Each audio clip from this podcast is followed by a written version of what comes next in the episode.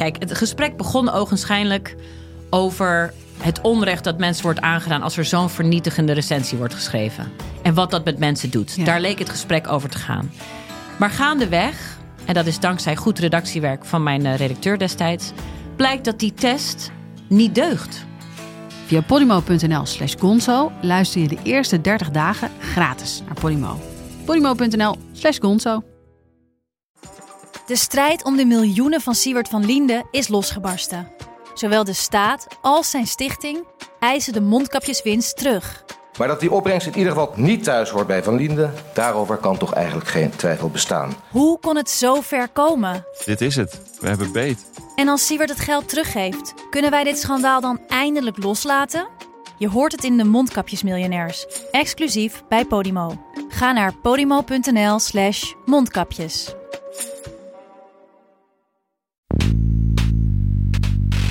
Waar was je veiliger als je in de regering van Hitler zat of in de regering van Stalin? Waar, waar liep je het grootste risico om toch nog geëlimineerd te worden? Bij Stalin.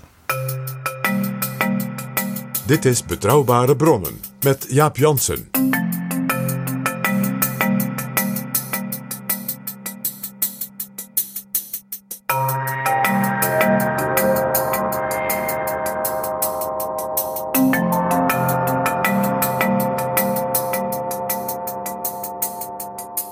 Hallo, welkom in Betrouwbare Bronnen, aflevering 259. En welkom ook PG. Dag Jaap. PG, je hebt een stapel boeken meegenomen. Dat is lang geleden, Je begrijpt, dat houdt nooit op Jaap. want we gaan een aantal boeken bespreken. Althans, naar aanleiding van die boeken praten. Ja. En ik dacht van ja, boeken die mij hebben geïnspireerd. Of waarvan ik dacht, dat is misschien voor onze luisteraars wel een mooi, mooie tip. En ik dacht, we gaan het doen rondom de grote vragen en ontwikkelingen waar we natuurlijk nu middenin staan. Eh, en misschien ook wel een aantal ja, portretten in die boeken van mensen waarvan je zegt, die komen wel vaker aan de orde. Of hun tijdsperk, of hun leven, of hun omstandigheden komen in betrouwbare bronnen. Zowel in de zeer actuele als in de wat meer historische beschouwingen aan de orde. Ja, een aantal boeken die kunnen we gebruiken als illustratie bij de oorlog van Rusland tegen Oekraïne. Maar je neemt ook nog een uitstapje straks naar Nancy Reagan. Ja. En we gaan het ook hebben over Willem, Willem de Zwijger. Zo is dat. En we komen uiteindelijk bij een roman over een groot literator. En dat is ook een beetje het idee om Mark Rutte naast die Chopin-biografie ook nog eens een ander boek te laten lezen. Maar PG, voordat we naar die boeken gaan, heten we eerst de nieuwe vrienden van de show van de afgelopen dagen welkom. En dat zijn Helmoet, Onno, Ineke, Jos en Geert-Jan. Hartelijk welkom en dank voor je donatie. En eh, denk jij nou, ja, ik heb dit al zo vaak gehoord dat er nieuwe vrienden van de show zijn. En ik zou eigenlijk zelf ook wel een donatie moeten doen om nog veel meer afleveringen van betrouwbare bronnen mogelijk te maken. Stop even met luisteren. Zet even de podcast stil. Ga naar vriendvandeshow.nl slash bb. En daar vind je dan ook meteen de links naar de boeken die we nu gaan bespreken. Dit is Betrouwbare Bronnen. PG, je hebt enkele boeken meegenomen die ons helpen Rusland beter te begrijpen. Ja, en dat zijn er vier. En ze zijn netjes verdeeld in twee over de ijzingwekkende aspecten van de Russische historie.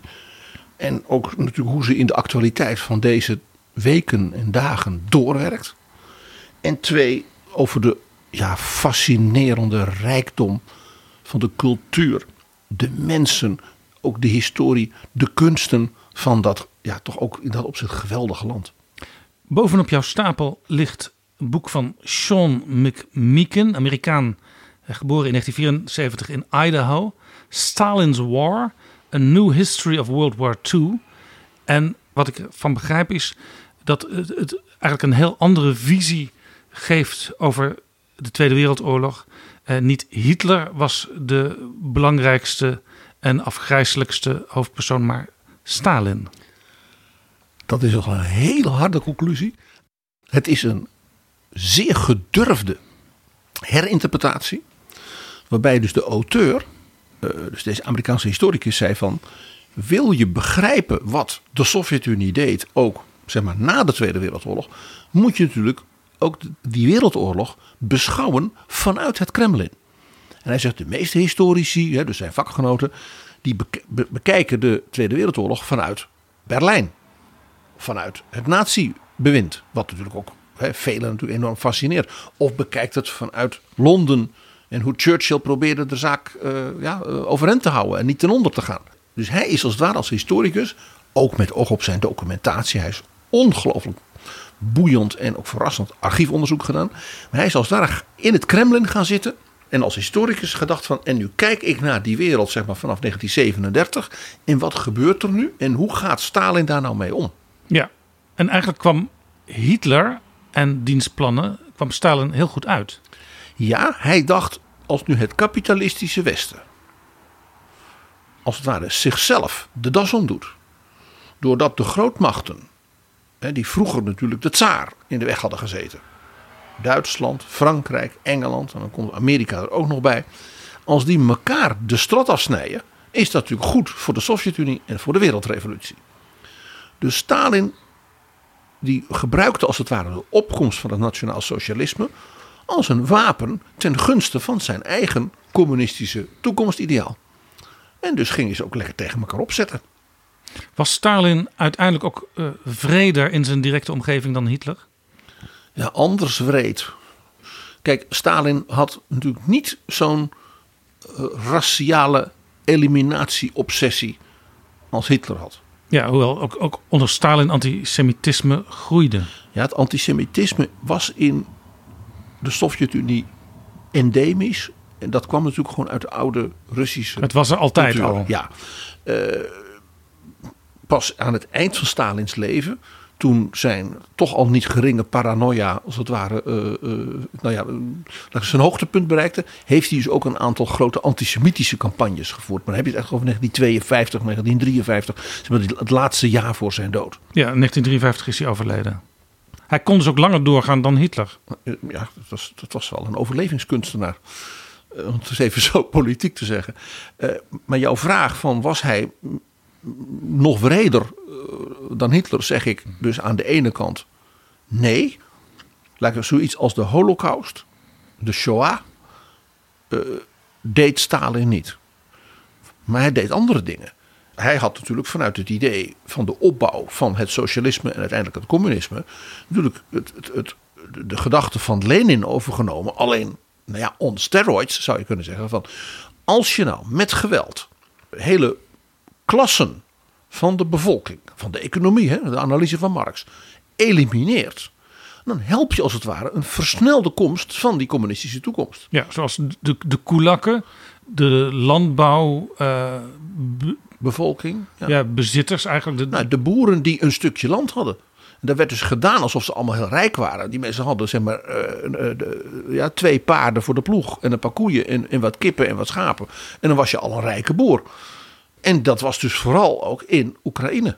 Ja, en jij zegt, eh, maar hij had geen systematische vernietiging van mensen voor ogen, maar hij liet mensen wel deporteren van de ene kant van het Sovjetrijk naar de andere kant. Ook dat was dus een systematische eliminatie van mensen. Maar niet vanuit een soort raciale obsessie. Hè, waarbij, eh, met ja, mensen dus vergassen en alles wat erbij hoort. Maar meer vanuit een soort economisch-ideologische gedachte. Van als je die mensen nou hun land afpakt. Hè, die boeren om het concreet te worden in Oekraïne. En je verplaatst ze met geweld. Bijvoorbeeld naar de woestijn van Kazachstan. Dan kunnen ze daar opnieuw beginnen. En die landbouwgronden van de Oekraïne, die gaan we dan met eh, industriële, hè, dus eh, kolgozen, dus in feite landbouw als fabriek, eh, tot ontwikkeling brengen. En ja, dat moet volgens Marx en volgens de economische analyse dan leiden tot enorme bloei en veel meer graan en veel meer opbrengst. De werkelijkheid was natuurlijk dat er een gruwelijke hongersnood kwam in heel de Sovjet-Unie. Ja. Waarbij met name dan de mensen in Oekraïne met miljoenen gewoon zijn verhongerd. Even, even toch nog een vraag over, over vreedheid op, op het directe niveau om de dictator heen. Waar was je veiliger als je bij wijze van spreken in de regering van Hitler zat of in de regering van, Stalin? Waar, waar liep je het grootste risico om toch nog geëlimineerd te worden? bij Stalin. dat is wel een verschil. Hitler had natuurlijk toch een soort ja, groep getrouwen en zo oude kameraden ook. Hè? Eh, die had hij om zich heen. Eh, hij had ook wel een aantal mensen zeg maar, uit de klassieke Duitse elite die hij nodig had. Die waren het niet altijd met elkaar eens. Die zaten elkaar ook een beetje eh, tegen te werken. ach- Achter de rug van Hitler om meestal. Ja, dat is kenmerkend voor elke tirannie. Dat dus de, het naar de tiran toewerken, zoals dat heet. Eh, eh, als het is, is een, een- daar zit de echte strijd. Ja, zoals nu onder Poetin blijkt. Hij toont zich teleurgesteld over adviezen die hij heeft gekregen over die oorlog in Oekraïne. En een aantal mensen zullen daarvan moeten boeten. Nou, je ziet het zelfs bij eh, de familie Kim.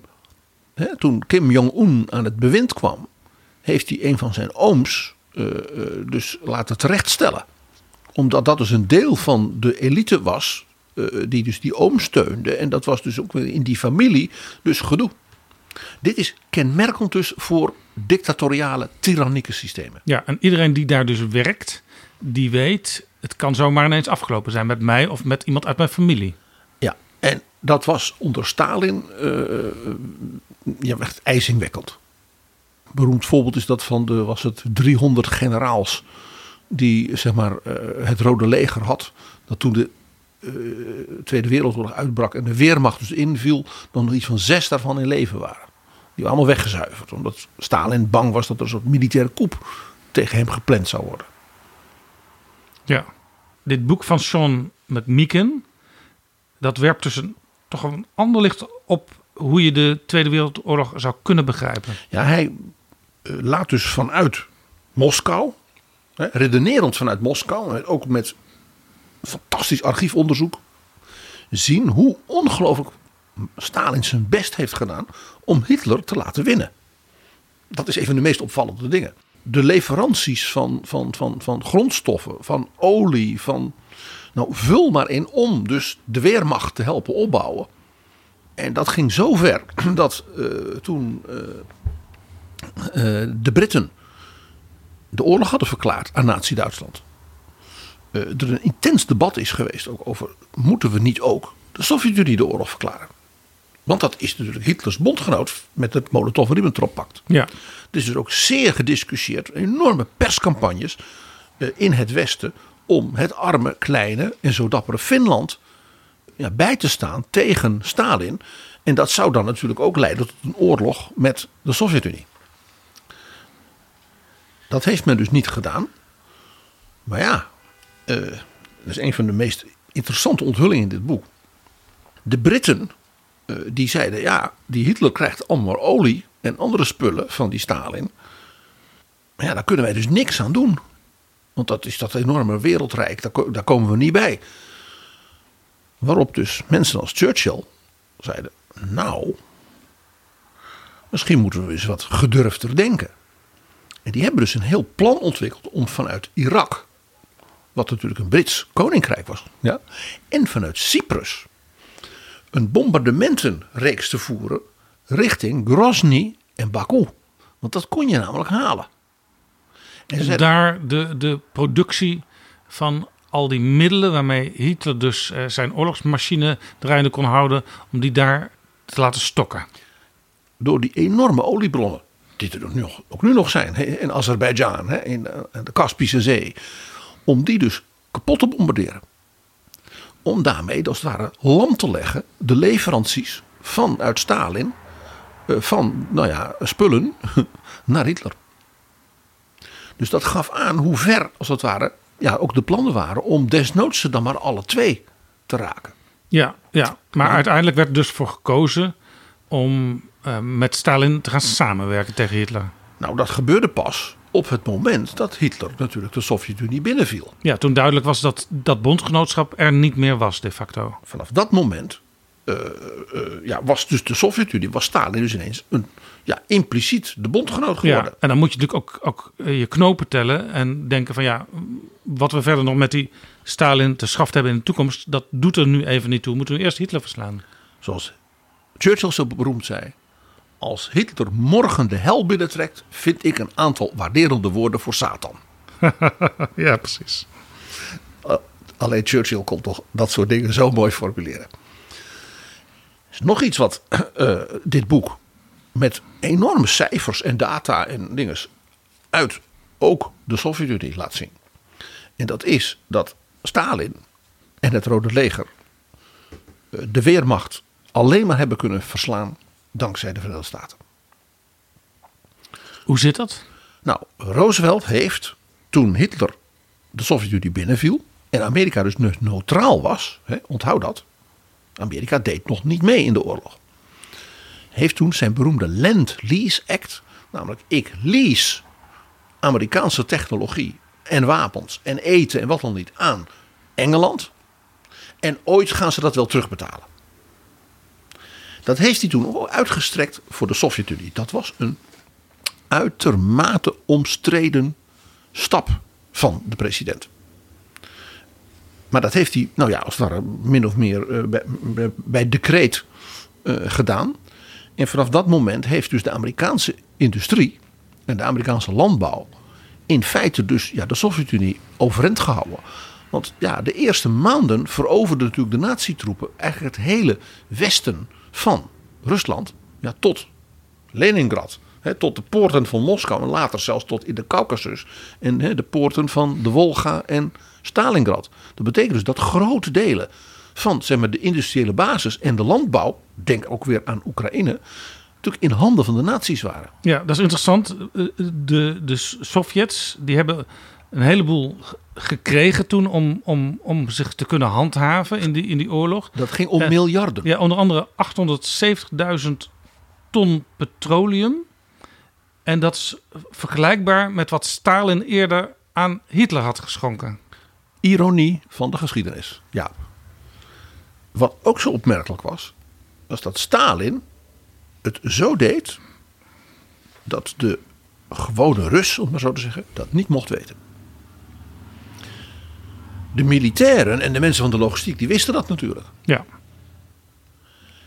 En maar voor de gewone Rus was dat natuurlijk niet echt uit te leggen. Nee, dus als er dan uh, uh, bijvoorbeeld voedsel uit Amerika kwam, dan werd er altijd bij gedaan alsof dat geschenken waren van de Amerikaanse arbeiders, omdat die zo meeleefden met de, het Sovjetvolk. Of het was het Rode Kruis of iets dergelijks.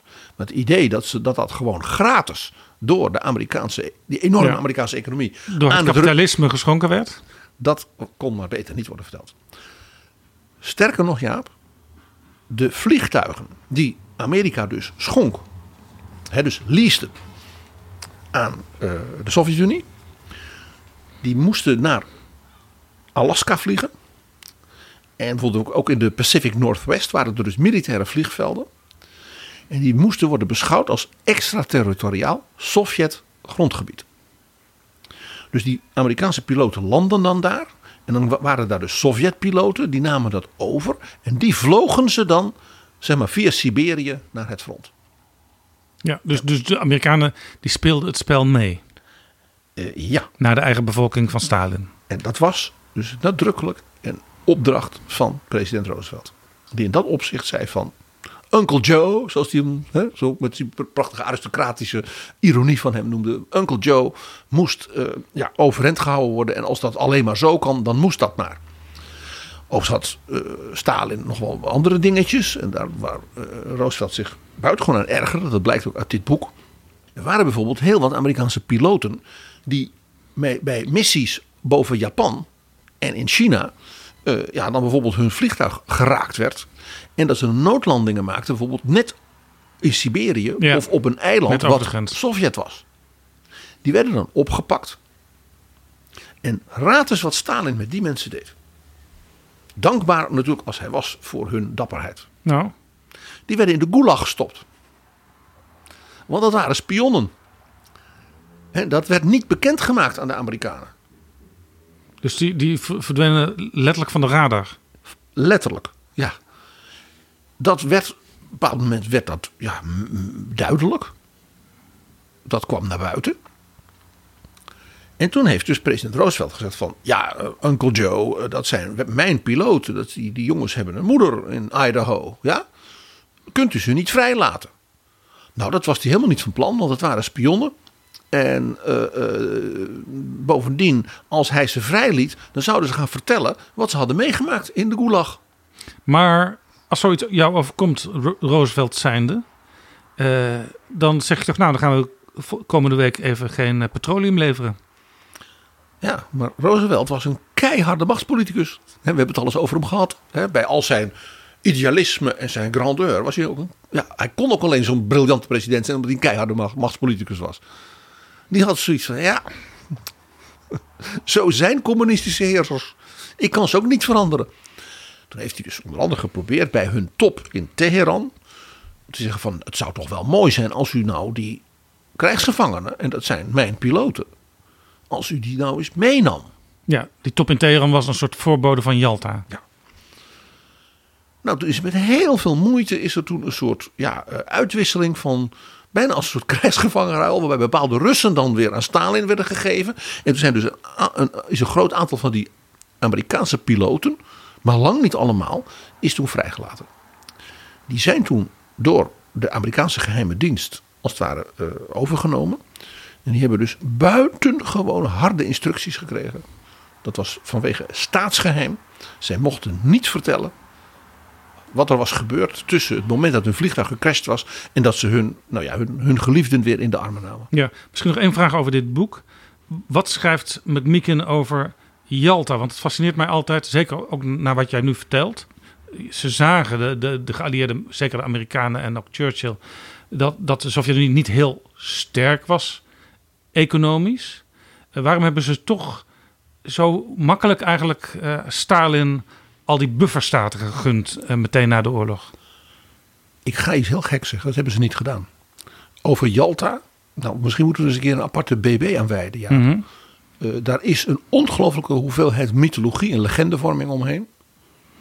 Onder andere dat eh, Roosevelt zo verzwakt was dat hij alsmaar geestelijk niet meer aankon. Onzin. Roosevelt had bij Jalta maar twee strategische doelen. En die heeft hij alle twee bereikt. Dus Roosevelt was heel tevreden. Churchill was niet tevreden. Roosevelt wel. Ja, maar Churchill, Churchill was natuurlijk sowieso veel zwakker. En voor heel West-Europa gold natuurlijk. We moeten weer gaan wederopbouwen en dat kost alle onze energie. Roosevelt wilde maar twee dingen van Stalin. Ook weer vanuit die keiharde machtspolitische analyse van ik kan wel roepen dat Stalin vrije verkiezingen moet houden voor de gemeenteraad van Praag, maar denk, wat denk je dat hij gaat doen? Veel illusies had hij niet. Hij wilde ten eerste dat de Sovjet-Unie deel zou uitmaken van de nieuwe Verenigde Naties. Want hij geloofde, dat was echt een, een, een, een diepe overtuiging van Roosevelt in collectieve veiligheid. Ja, en dat je door praten toch tot elkaar kunt komen. Hij zei: Dit moet de oorlog zijn die een eind maakt aan oorlogen. En dat was natuurlijk een citaat van Woodrow Wilson, de president die hem onderminister van Marine had Ja, en die hij bewonderde. en we moeten er iets sterkers van maken dan de Volkenbond niet kon zijn. En dus moet de Sovjet-Unie voluit meedoen. En krijgt ze ook een veto en dat soort dingen. Dus hij heeft gewoon gedeeld met Stalin. Stalin zei: ja, elke Sovjet-republiek moet lid worden van de VN. Dus Kazachstan en Kirgizië en Jakutië. En, eh, dus Stalin wou wel 30 stemmen in de VN. Hij was zo enthousiast. Hij wilde nog veel meer stemmen. Ja, dus eh, en hij zei van kijk, als Denemarken, Holland, maar die koninkrijkjes, die krijgen allemaal een stem. En Roosevelt die had zoiets van zal ik alle 50 staten Ja, van, maar goed, van daar- Amerika dan een daarvoor, stem geven. Daarvoor kwam natuurlijk de veiligheidsraad. Ja, en daarvoor heeft, toen heeft hij gedeeld. Toen hebben ze dus echt gewoon als een stelletje, nou, hoe zal ik het zeggen, eh chageraars, eh, zijn ze eruit gekomen. Ja. Rusland, de Sovjet-Unie kreeg een stem. Wit-Rusland kreeg een stem. En Oekraïne kreeg een stem. Tot de dag van vandaag werkt dat dus door dat Oekraïne door Stalin gebruikt werd als een soort groot en belangrijk land. Dat zogenaamd hè, dus onafhankelijk was. En dan mocht meestemmen als een onafhankelijke natie in de VN. Dus dit was voor Roosevelt een soort echt lange termijn strategie wereldvrede thema. De tweede was, Roosevelt ging ervan uit dat Japan nog lang niet verslagen was. En die zei tegen Stalin, U heeft zoveel bloed moeten vergieten met uw rode leger tegen Hitler. En wij hebben daar allemaal een enorme bewondering voor. Wij hebben u toch ook geholpen? Wil ons nou helpen? Dus zodra Hitler eh, gecapituleerd is, Dat we ook korter met te maken met de Japanners. dat u dan een deel van het Rode Leger zeg maar, naar Manchurije stuurt en dan ons helpt Japan definitief te verslaan. Roosevelt kon niet weten of de atoombom het zou doen. En Stalin heeft dus in Jalta bevestigd dat hij dat zou doen en dat heeft hij ook gedaan. Ja. Moet je trouwens altijd een vraagteken bij zetten of hij dan dat daadwerkelijk doet. Maar in dit geval is hij zijn belofte nagekomen. Het meest merkwaardige was natuurlijk dat Stalin toen inmiddels had gehoord van Roosevelts opvolger. Hè, want hij stierf natuurlijk vrij snel naar Jalta. Dat de bom het deed. Bovendien wist hij dat van zijn spionnen. Dus president Truman, die minstens zo'n harde machtspoliticus was als zijn leermeester Roosevelt, die heeft helemaal niet zo aangedrongen op dat het Sovjetleger zou meedoen in Azië. Nee, de belofte was er, maar eigenlijk was het niet zo nodig. Want hij kon het waarschijnlijk alleen af met die bom. En toen dat dus tot Stalin doordrong, heeft hij als het ware het Rode Leger versterkt. Ja, op de trein gezet, Trans-Siberische spoorlijn. Want hij dacht, straks heeft Amerika daar in Azië een positie. Ja, en dan omringen ze ons aan alle kanten. Dus ik wil mijn stukjes Japan, en dat is ook gebeurd, eh, dus onmiddellijk grijpen. eh, voordat ik straks niks meer heb. Ja, precies wat nu ook de vraag is voor Xi Jinping.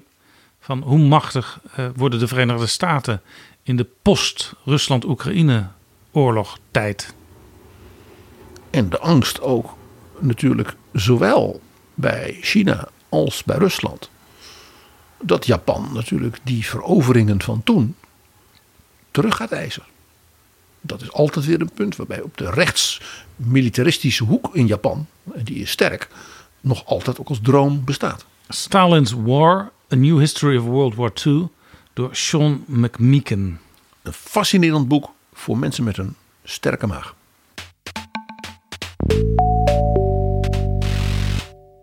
PG, er is nog een boek eh, waarin Rusland eh, de hoofdrol speelt. Putin's People. How the KGB took back Russia and then took on the West. Van Catherine Belton. Uitgegeven ongeveer een jaar geleden. Ja, eigenlijk een beetje zoals dat vorige boek. IJzingwekkend. Eh, maar het geeft je een, een meeslepend inzicht in ja, zeg maar, hoe de machtsstructuren en de historie is eigenlijk dus van Vladimir Poetin en zijn vriendenclub, de Siloviki. Dus de mensen van de geheime dienst, ook dus van die met hem in Duitsland bij de Stasi werkten. En hoe die als het ware zijn opgekomen in het Rusland na de val van de Berlijnse muur. En ja, waar ze nu dan terechtgekomen zijn. Ja. De ondertitel How the KGB took back Russia. De KGB bestaat niet meer, toch? Die heet nu FSB. Maar de KGB is misschien wel sterker dan ooit onder Poetin. Ja, want hij Althans, is... de opvolger van de KGB. Het zijn meerdere opvolgers. Hè. De- Je hebt natuurlijk de buitenlandse veiligheidsdienst, waarvan die chef eh, onlangs werd uitgevoerd door Poetin. En nu staat zijn positie ook zwaar op het spel. Eh, je hebt nog de, de militaire inlichtingendienst, de, de GREU. Ja. En je hebt, je hebt meerdere binnenlandse veiligheidsdiensten. Ook nog. Dus mensen als Poetin, hè, die zoals hij jonge officieren zijn geweest in de KGB. Die hebben daar dus ook een woord voor. Die noemen zich dus Tsjekisten. En dat zegt alles. Want de Tsjeka, dat was de allereerste geheime dienst, zeg maar onder Lenin en Stalin. Van de beruchte Felix Dzerzhinsky. Ja, wiens beeld altijd op het plein voor het hoofdgebouw van de KGB stond.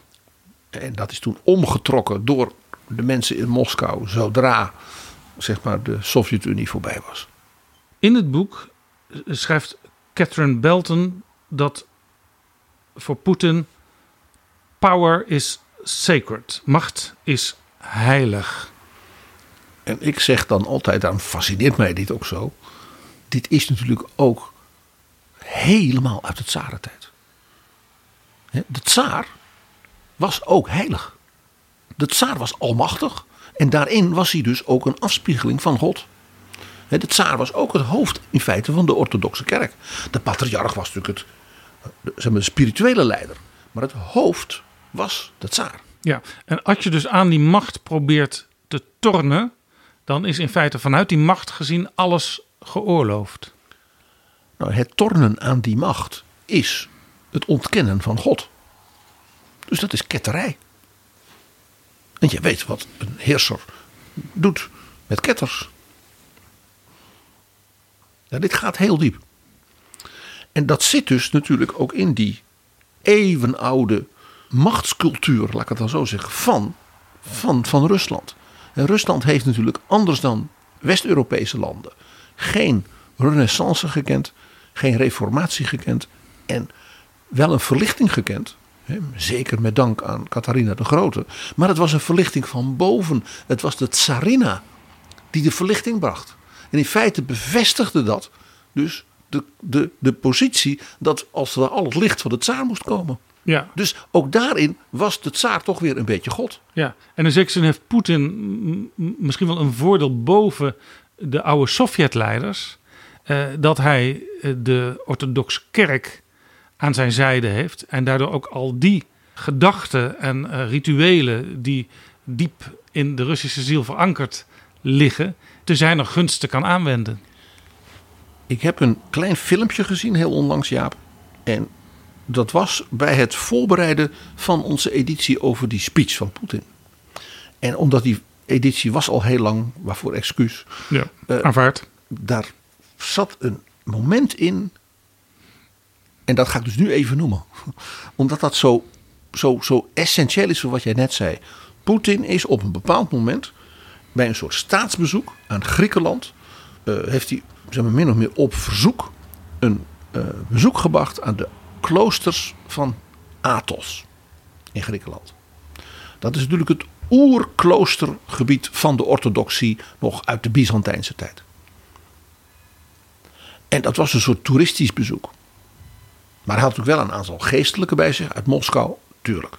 Is dat is Athos waar je als bezoeker alleen als mannelijke bezoeker mag binnenkomen? Zeker.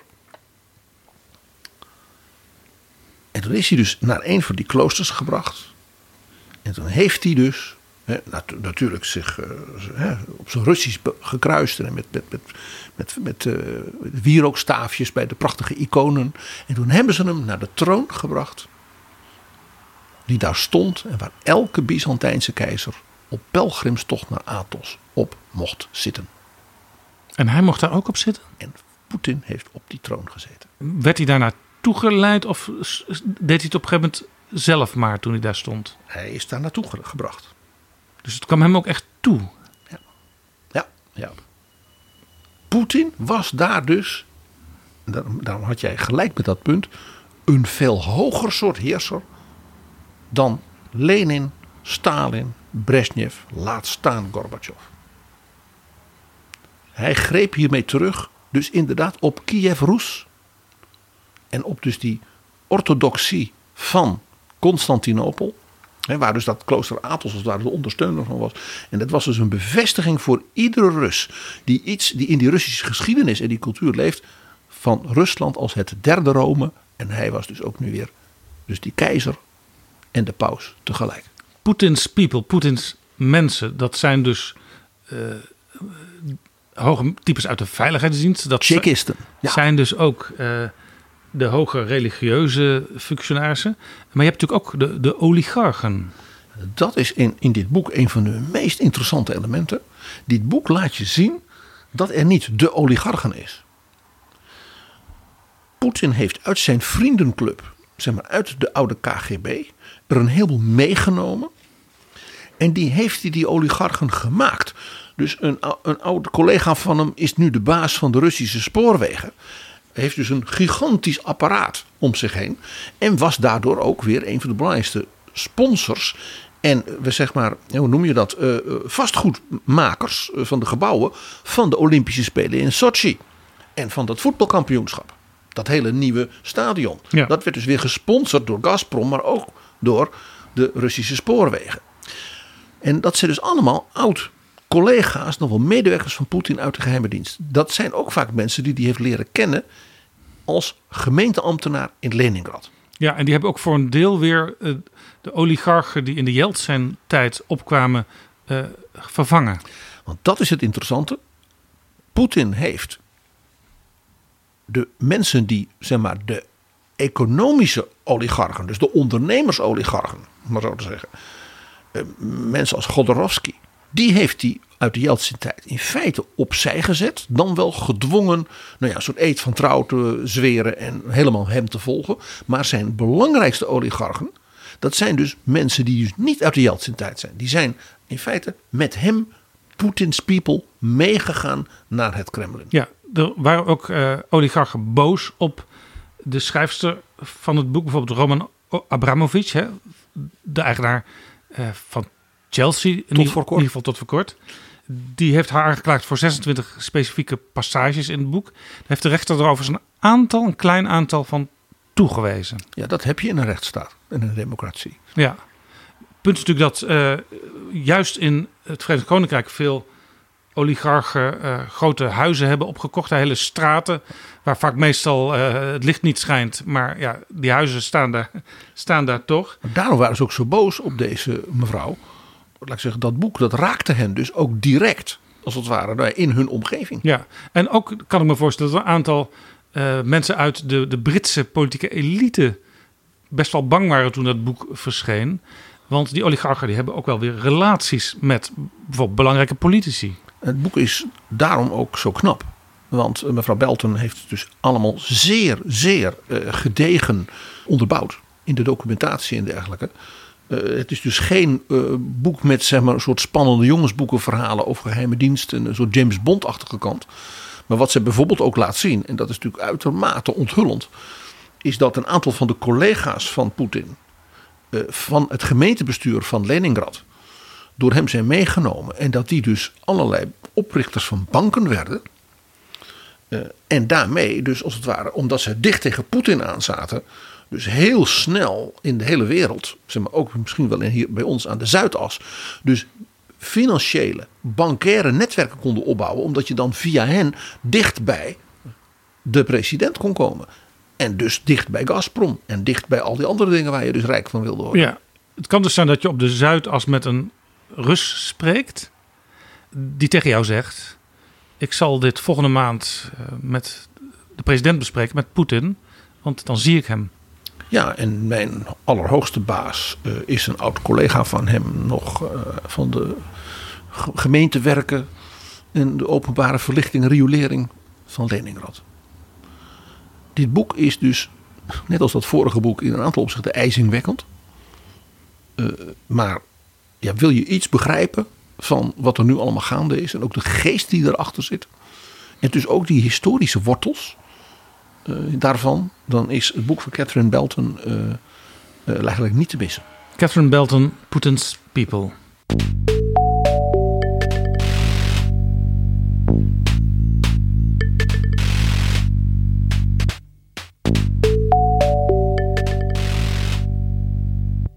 PG, Stalin, Poetin. Wat een verschrikkelijk land is dat toch, hè, dat Rusland. Ja. En jij weet tegelijkertijd dat het mij zo aan het hart gaat. Omdat het, ja, de cultuur, de geschiedenis, de kunst, de letterkunde, de opera. Het is van een, van een, van een grootsheid en een kwaliteit. En waar ook alle andere volkeren in de wereld zo ongelooflijk van kunnen genieten. Ook de mensen, de, de, de liefhebbers van dans, de liefhebbers van, van koormuziek, de liefhebbers ook van de religieuze muziek. Ja. De ongelooflijk prachtige, ja, godsdienstige muziek van, van Rusland. De liederen van mensen als Tchaikovsky en Rachmaninov, uh, Scriabin, uh, Shostakovich. Je weet, ik ben niet religieus, PG, maar Vespers kan ik ook wel heel mooi vinden. De, de Vespers van Rachmaninov, die die dus schreef als balling in Amerika. Dus zoveel ja, wat, ja, wat dat, hoe diep dat dus in zijn ziel, in zijn hart zat, hij als muzikus dat soort koormuziek toe ging schrijven. Dus die kant van Rusland, daar wil ik ook twee boeken voor aanstippen. je zou kunnen bijna zeggen, ook in het kader van de evenwicht, maar ook in, zeker, in zekere zin, er zit dus ook een element van, van mijn kant van verdriet in. Het is zo'n prachtig land. Het is zo'n prachtig volk. Het is zo rijk in historie en kunst en cultuur. En dat je zou hopen dat men zich daar vooral mee bezig hield. In plaats van dat men dus eh, ja, dingen kapot maakt. Ja, ja. En mensen kapot maakt. Ja, ik zie overigens eh, dat plein in Kiev. eh, wat natuurlijk ook voor, voor de Russen een bijzonder belangrijke betekenis heeft. Dat zie ik nog altijd ja, onbeschermd in beeld. In sommige steden in Oekraïne zijn de beelden beschermd met zandzakken en andere dingen tegen aanvallen. Eh, maar waarschijnlijk op dat plein in Kiev denken ze dat zal die toch niet aanranden en verkrachten. Ook natuurlijk omdat de grote monumenten daar een, ja, herinneren aan natuurlijk de Tweede Wereldoorlog. Maar ja, aan de andere kant, ze hebben gewoon die tv-toren beschoten. En daarbij vielen de brokken gewoon op het Babi Yar eh, monument. Dus Welk boek wil je aanstippen? ik wil aandacht vragen voor een boek dat is niet recent. Het is uit 2002. Maar is gewoon ook tot de dag van vandaag het allerbeste boek over zeg maar, de ontwikkeling van de cultuur van Rusland. In zijn ook politieke historie. Maar vooral dus de ontwikkeling van kunsten, cultuur en hun eigenheid. En waarom dat zo bijzonder is geworden. En dat is eigenlijk vanaf 1812. Hè, dus dat Napoleon wat verslagen is, tot nu. En dat boek is Natasha's Dans, Natasha's Dans van Orlando Figes. Wie is Natasha? Natasha is de beeldschone, charmante en natuurlijk zo hoofdpersoon van Oorlog en Vrede van Tolstoy. Prachtige operarol, Jaap. Fajes heeft trouwens ook een boek geschreven over het leven onder Stalin. Het boek heet Fluisteraars. Juist, het is een heel, heel groot kenner van de Russische geschiedenis. Ja, de Russische revolutie heeft hij ook een boek over geschreven. Hij heeft meest recent een magnifiek boek over Russische kunstenaars die in de 19e eeuw als het ware Rusland verlieten en vooral in Parijs gingen wonen en hun rol in de zeg maar, Europese cultuurgeschiedenis. Turgenev en eh, ook een hele beroemde operazangeres. Prachtig boek. Ja, dus Orlando Fages is, zeg maar, als je een top 10 zou maken van auteurs over Rusland, dan zou hij daarin staan. Die zit in de top 5. Natasha's dans begint dus in 1812, omdat hij zegt, de periode daarvoor, dus het tijdperk van Catharina de Grote, was natuurlijk het hoogtepunt van Rusland als Europese mogelijkheid. En dat was zich ook de Europese cultuur richten. Met dus die enorme bouwkunst en die, van Sint-Petersburg.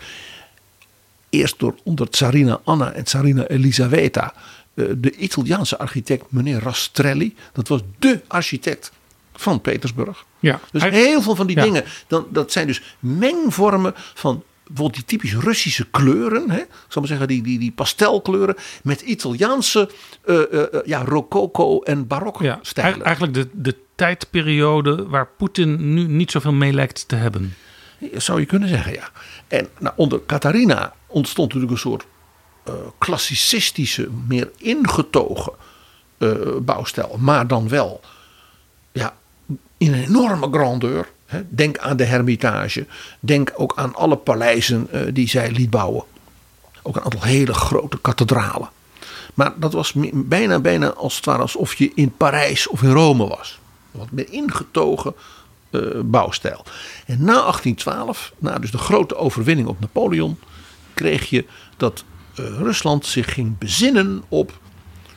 Ja, maar we zijn niet Frankrijk. We zijn niet Italië. Dat onze tsaren de kunst daarvan naar, naar ons haalden is natuurlijk prachtig. Maar wij zijn Russen.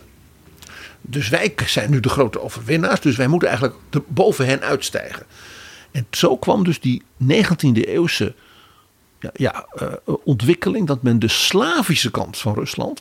En zelfs ook zijn Aziatische kant. Dus ook waar we het over hadden. De Mongoolse kant van Rusland. Dat men die ging herontdekken. En als het ware ja, op een nieuwe manier in de Russische kunst een plek ging geven. En dat leidde dus ook tot anti-westerse gedachten. Want wij zijn dus beter dan zij. Bovendien hebben wij een soort oer wortels in ja, het heidendom. Ja, en in eh, stammen, wilde stammen en, en Siberië. En dat is ook romantisch natuurlijk. Hè. En, en, en, dus de romantiek als het ware van het voorchristelijke, het heidense en het, het meeslepende. Toch altijd tragisch dat dat blijkbaar de ene cultuur door de andere opzij gezet moet worden. Je kunt ook zeggen eh, diversiteit en laat, laat alles naast elkaar bloeien. Ja, maar dat is zo grappig in dus die 19e eeuw. Dat gebeurde dus ook in, in, Rusland. Men had ook die westerse kant, maar men probeerde als het ware die, die andere kanten van, van de Russische ziel, hè, zoals ze dat dan deden. In feite dus de, de, de, cultuurkringen waar men uit voortkwam in vroegere eeuwen, ze hadden erin te vermengen. En, en daar waar dat bij kunstenaars dus lukte, om maar zo te zeggen, dat iemand daar op een hele originele manier mee omgaat. Ja, dat zijn vaak ook meteen de grote, de grote namen. Die iedereen als het ware, zal ik maar zeggen, kent. Die iets van kunst houdt. Denk natuurlijk aan de opera's van Modest Mussorgsky. Waarin dus Russische kerkmuziek en ook die ruige volksmuziek. Ja. En zelfs de volksliedjes gecombineerd worden met dus de grootste ja, invloed ook van, ik zal maar zeggen, mensen als Beethoven en later ook van Wagner.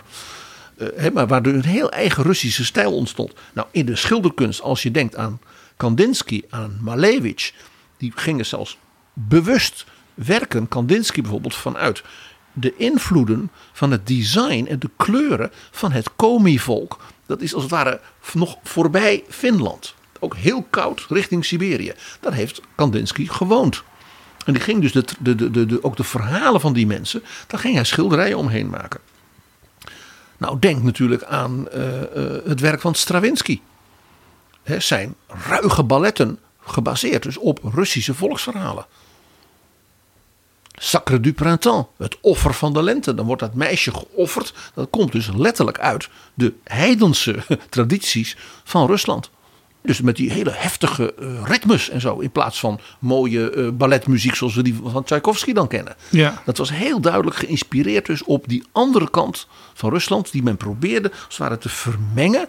Op een, tot iets heel nieuws te brengen met die klassieke kant van Rusland. Ja, en Orlando Fages, hij is hoogleraar geschiedenis aan de Universiteit van Londen. Eh, die heeft voor dit boek, dat, dat al tijd geleden, je zei het, verschenen is 2002, toen ook weer nieuwe bronnen kunnen aanboren. Ja, hij is ook zoals veel andere historici natuurlijk ja, onder in de tijd van Yeltsin. Gingen al die archieven open. Ja, dat was natuurlijk ja, eh, het mooiste wat er is. Want het had, allemaal dichtgezeten eh, hè, na de Je tsarentijd. kunt in feite alle globale kennis die je hebt toetsen aan nieuwe, eh, voor het eerst openbare bronnen. En je ontdekt hele nieuwe mensen. In het boek komt bijvoorbeeld een familie voor. die tot de allerhoogste adel behoorde. Maar onder tsaar Nicolaas I, het rolmodel van Poetin. dus eh, ja, ruzie kreeg met de tsaar. Want zij waren wel voor de westerse liberale democratische ontwikkeling. zoals ze die toch van de grootmoeder Catharina de Grote hadden meegekregen. Die wilde daarin door. Nou, de tsaar niet. Dus de tsaar heeft die familie toen eh, dwars gezeten. Maar ze waren van een hele hoge adel, dus dat kon hij ook weer niet doen. Toen is hij een van hun belangrijkste mannen verbannen diep in Siberië. En die man is daar dus een Siberische boer geworden. Die is verliefd geraakt op dat volk, op dat land. En werd dus in zijn brieven een enorme belangrijke bron van inspiratie voor kunstenaars in Moskou. Hè, dus duizenden kilometers verder. Over wat je allemaal daar in Siberië aan ja, bijzondere dingen kon beleven. Dus daar gingen mensen ook vrijwillig dan heen. Dus de geschiedenis van die familie is dus in dat boek ook, dat ontdekt hij bijna. Dat is dus als het een, een draad door dat boek heen. Ik kan het niet genoeg aanbevelen. Ja, is natuurlijk hoogleraar, maar hij schrijft Als literair. een, als een engel. Het is prachtig, prachtig proza. Je zei, ik, ik moet hier nog een boek bij pakken. Welk boek is dat? Ja, het, het is natuurlijk al. Ik heb, ik heb het denk ik al eens een paar keer genoemd. En die komt dus letterlijk eh, de voorbije dagen bladerend in de boekenbijlage van de NRC. een bespreking tegen van de vertaling van Catharina en Potemkin van Simon Sebag Montefiore. Michiel Krielaars heeft daar een stuk over geschreven afgelopen vrijdag. En ja, de naam Catharina de Grote is natuurlijk al vaker gevallen. Eh, en natuurlijk ook die van haar geliefde Potemkin, die maar een paar jaar haar officiële minnaar was. Grigory Potjomkin. Prins Grigori Potemkin. En daarna, ja, haar partner bleef, ook in het regeren, eh, in het discussiëren. Hij was eigenlijk toch wel een soort minister-president en opperbevelhebber van het leger tegelijk. Ja, ze had dus een aantal jaar een, een echte relatie. Maar toen die relatie voorbij was, toen bleef hij gewoon voor haar werken. En bleef hij ook haar, haar geliefde. Alleen had zij dan jongere officieren van de garde.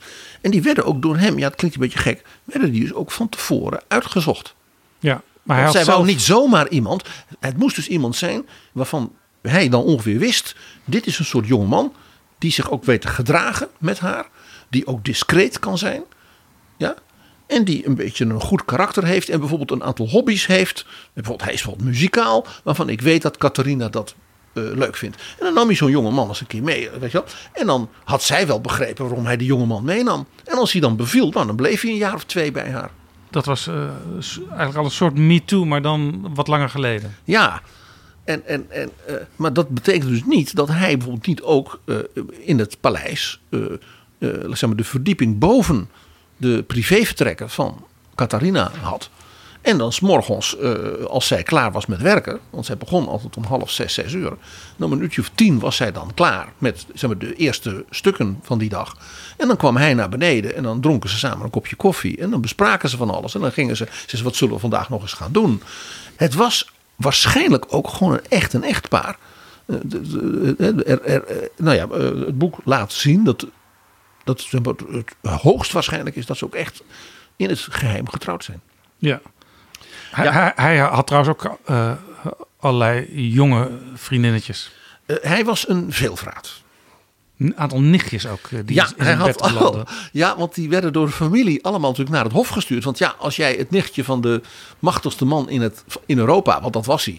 En de geliefde van de, van de tsarina was, ja, dan was dat natuurlijk wel goed voor je carrière. En dan zou je misschien wel uitgehuwelijkt worden door de tsarina aan een van de grootvorst. Hè, dus dat, eh, ja, en, ja en, maar ja, hij was zo, eh, ja, blijkbaar zo'n charmante man. En zo, ja, dat die, al die nichtjes, die nou, waren ook zijn minnaressen. Ja, hij was ook een verteller. Hè? Hij, las de Griekse klassieken. Hij had allerlei ideeën ook over theologie. Het was een veelvraat, zei ik al. Ook in drank en in de liefde en in intellectuele dingen en in kunst en in dat hij dus voor Catharina die enorme veroveringen, ja, in de Caucasus, de Krim, de Zwarte Zee, Oekraïne, Moldavië, is allemaal door hem veroverd. Hij ging dan ook door haar aangemoedigd dan onmiddellijk denken van hoe gaat dan over 100 jaar dit eruit zien. Hij is de oprichter van de stad Odessa. Hij is de oprichter van de stad Gerson, waar nu zo verschrikkelijke gevochten wordt. Ja, En Catharina stuurde dan haar allerbeste kunstenaars naar hem toe. En, en, met, en ook met haar samen bedachten ze dan hoe moet die stad eruit gaan zien. Dus dat Odessa zo'n beeldschone stad is. Met die beroemde trappen ja, naar, naar de zee. Met, en die prachtige grote kathedraal en dat enorme operagebouw. Is allemaal dus bedacht door Catharina en Potjomkin. Met dus hun adviseurs uit heel Europa. Kunstenaars, designers, architecten. Eh, Catharina was, schreef natuurlijk ook zelf opera's. Die werden ook uitgevoerd.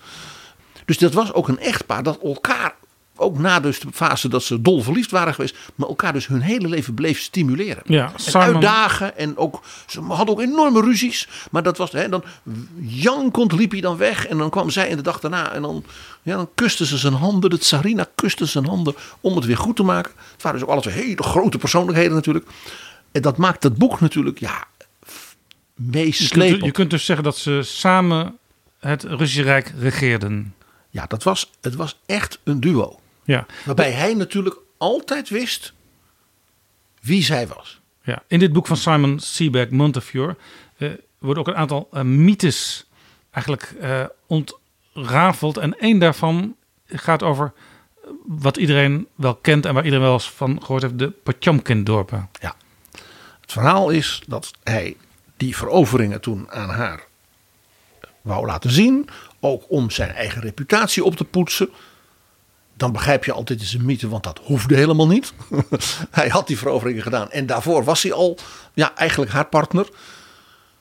En dat hij dus om, dat het eigenlijk was, omdat het natuurlijk allemaal veroverd was en die mensen waren ook allemaal dood. Het was allemaal heel vreselijk. Dat hij dus toen namaakdorpen langs de oevers liet zetten waar zij dan langs voer. En dan leek het heel wat. Dat is dus echt gewoon niet waar. We weten nu wat er wel gebeurd is. zij had een gast. Ze kwam niet alleen. Zij had de kroonprins van Habsburg bij zich. En die was incognito, dus onder een schuilnaam, bij haar gekomen om te kijken of ze niet een soort nou ja, vredesarrangement konden regelen bij de machtsverdeling op de Balkan. Want Habsburg was natuurlijk bang voor die veroveringen. Om daarmee de Turken als het ware dwars te zitten. En Habsburg kreeg dan wat en Rusland kreeg wat. En om hem te imponeren, ja, heeft Potjomkin met de Tsarina samen gezegd: wij gaan dus met schepen de, de, de, rivieren af. En dan gaan we natuurlijk wel aan de oevers natuurlijk een diner organiseren. En een toneelstuk en een opera-uitvoering. Dus die mensen die daar zogenaamd dan stonden als zij kwamen aanleggen. Dat was gewoon het personeel van de keizerlijke opera in Petersburg. Die waren gewoon met, met decors en alles gebracht. Dit was dus vooral om die prins van Habsburg, dus de opvolger van Maria Theresia, Jozef II, vooral op een hele chique manier te laten voelen hoe onvoorstelbaar machtig Catharina was. En dat hij dus maar met haar had te rekenen op de Balkan bij de verdeling van de macht. Toen Potjomkin op zijn doodsbed lag, toen zei hij: Het enige wat ik altijd heb gewild is alle mensen gelukkig maken. Ja, er is een, heeft ook een brief geschreven. Terwijl hij stierf aan Catharina. Die is toen bij haar bezorgd. En toen was het dus duidelijk dat hij dood was. Toen heeft ze dagen uh, heeft ze zich opgeborgen als het ware in haar slaapkamer. Ze was ontroostbaar. En die brief heeft ze tot haar dood op haar hart gedragen. Dus dit is niet alleen een groot verhaal van macht en imperium en, en kunst en cultuur. Maar het is echt een van de grote liefdesverhalen in de wereldgeschiedenis. Simon Siebeck, Montefiore, Catharina en Potjomkin. En onthoud, het portret van Catharina hing in het kanslerambt in het bureau van Angela Merkel.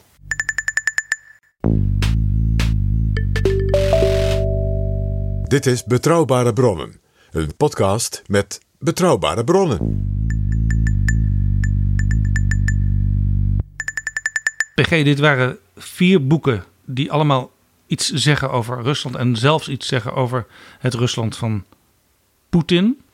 En er wordt wel gezegd met Poetin keert de 19e eeuw terug. Ja, met zijn rolmodel. En de repressie. Nicolaas de Eerste. Ja, en de repressie en alles. En om die reden wil ik kort één boek aanstippen dat ik denk ik wel al een paar keer heb genoemd en ook geciteerd in betrouwbare bronnen. En dat is Die Verwandlung der Welt van professor Osterhammel. Misschien wel het belangrijkste geschiedenisboek dat de voorbije 25 jaar is verschenen. Dat herinner ik me nog uit het eerste seizoen van Betrouwbare Bronnen. En dat was ook een boek uh, wat uh, gelezen werd, vertelde jij toen, door Angela Merkel. Ja, die had het op haar vakantie gelezen. Het boek is bijna 1300 bladzijden dik. En toen heeft ze hem laten uitnodigen door de CDU als spreker op haar 60ste verjaardagsfeest. Dus iedereen blij. Dan komt, dan komt een meneer over geschiedenis praten. Ja, dat was dus een lezing van anderhalf uur, want we zijn wel in Duitsland. Over dus de globalisering en de geschiedenis daarvan. Want daar gaat die verwandeling der Welt over. Die gaat over de 19e eeuw. Hoe dus de wereld transformeerde. Met de industriële revolutie, de intellectuele revolutie, met het werk van Alexander van Humboldt en dergelijke. Met Marx en alles. Hij beschrijft dat niet alleen maar vanuit Europa, maar inderdaad, het is een mondiale geschiedenis van de globalisering. Ja, maar dus hij boek... vertelt ook zeer indringend over de veranderingen in Japan, de veranderingen in China, de veranderingen in is Zuid-Amerika. interessant om te zien eh, dat er vaker periodes waren van grote veranderingen, zoals we nu ook weer meemaken in, in, in de technologie. Het is dus zeker niet een boek wat je zou moeten lezen om meer van Poetin te begrijpen. Nee, maar het is, wil je iets van deze tijd begrijpen, van globalisering en hele snelle veranderingen, heb je dus, zo is zijn these, meer aan dat je de 19e eeuw begrijpt dan de 20e. En dat is natuurlijk heel gedurfd. En ja, het, is, het boek is daarin, in die these, volstrekt overtuigend. Vandaar ik zeg, het is het belangrijkste zeg maar, historische, analytische boek van de voorbije 20, 25 jaar. En wat is zo mooi, het is net in het Nederlands verschenen. En Osterhammel heeft een speciaal voorwoord geschreven voor de Nederlandse editie. En dat zijn twee redenen. Eén, hij heeft met de vertaler samen nog wat dingetjes verbeterd, aangevuld met wat inzichten. Hij prijst ook die vertaler zeer. En hij zegt: Ik ben zo dankbaar dat het nu in het Nederlands verschijnt na toch wel een paar jaar. Het heeft even geduurd, maar het is ook een enorm dik boek. Omdat hij het grotendeels heeft geschreven in Nederland. Namelijk bij het NIAS in Wassenaar. En hij brengt dus een groot saluut aan de Nederlandse historici, Nederlandse wetenschap, dat instituut. En ook in het bijzonder aan professor Henk Wesseling. BG, ik zie op jouw stapel ook Nancy Reagan liggen. Nou hadden we het net natuurlijk al over het Tsarina Katarina. Eh, Nancy Reagan was zelf natuurlijk geen president. Haar man Ronald was president. Maar misschien had zij met haar Ronald ook wel een soort van relatie vergelijkbaar met die van Potjomkin en Katarina. Waarbij Potjomkin natuurlijk geen filmacteur was. Nee, je kunt er heel veel aan afdoen. Waarom wil jij ons nog even inwijden in de persoon Nancy Reagan? Omdat ze natuurlijk ook zo'n vrouw is als Catharina. Uit het niets. Catharina kwam als 15-jarig meisje uit een mini-mini vorstendommetje in Anhalt, ja, bij Magdeburg, in Sint-Petersburg aan. En eindigt ja, als de grootste vrouw op aarde en de grootste vorstelijke persoon in de Russische geschiedenis. En Nancy Reagan, dat klinkt misschien raar, maar die doet daar een beetje aan denken. Zij kwam uit het niets. Eh, een gebroken gezin. Haar moeder was actrice. Eh, haar vader liep al snel weg. Ze heeft in de eerste, zeg maar, nou ja, tien jaar van haar leven was ze dan eens bij die tante en Ja. dan is bij die. Want haar moeder was met haar carrière bezig. Ja, en, en die zag ze dan soms een anderhalf jaar niet. Eh, waardoor ze dus ook eh, heel onzeker en eenzaam opgroeide als kind. Tot haar moeder ineens trouwt met een hele beroemde en rijke dokter, Loyal Davis. En die adopteert haar. Vandaar dat ze ook Nancy Davis heette. Maar dat was dus haar adoptievader. In Chicago. Haar vader had een enorm maatschappelijk netwerk. Doordat hij dus in de medische wereld en ook in Chicago in de politiek heel bekend was. En ja, die vrouw, die actrice, dat was als het ware een beetje een trophy wife. Maar ook, zij was een zeer eh, extraverte, charismatische vrouw. Dus zij deed, en dat was heel bijzonder in die tijd, daarnaast allerlei werk. Zij werkte dus bijvoorbeeld als radioomroepster. Ze had haar eigen show. En ze hield haar contacten in die toneel- en filmwereld heel erg actief. Dus als mensen in Chicago waren uit Hollywood, dan logeerden ze ja, bij de familie Davis. Dus Nancy werd door haar moeder als het ware klaargestoomd voor het toneel en de film. En nou, je weet, Nancy Davis werd eh, actrice in Hollywood. Maar had geen groot eh, talent. Maar men gaf haar dus rolletjes. Omdat men haar heel erg sympathiek vond. En vanwege haar moeder. Want die pushte nogal. En die had dus een heel krachtig netwerk van vrienden en mensen in Hollywood. Die dus dan Nancy weer eh, een beetje protegeerden. En zo werd zij als actrice dus een bekende naam. En zo kwam zij dus de voorzitter van de vakbond van de filmindustrie tegen. Ja, en dat is natuurlijk een cruciaal moment. Schrijft Karen Tumulty ook in haar boek The Triumph of Nancy Reagan. Ronald Reagan die had ook een, een moeilijke jeugd gehad. En zij schrijft... The two fractured halves became whole. En dat is een heel belangrijke inzicht in dit boek. Want dat maakt ook het zo ingewikkeld, waardoor bijvoorbeeld hun kinderen altijd zeiden van wij zijn eigenlijk net als zij eenzaam en soms ook bijna, bijna eh, eh, ja, verdrietig opgegroeid. Want die twee waren zo helemaal één dat wij eigenlijk niet leken te bestaan. Ja, En dat had te maken dus met hun. Hè, Reagan, die natuurlijk ook uit een heel. Hè, een vader was een enorme dronkenlap. Eh, zijn moeder was ook, net als de moeder van, van Nancy, zeer gedreven, krachtige persoonlijkheid. Die ja, via.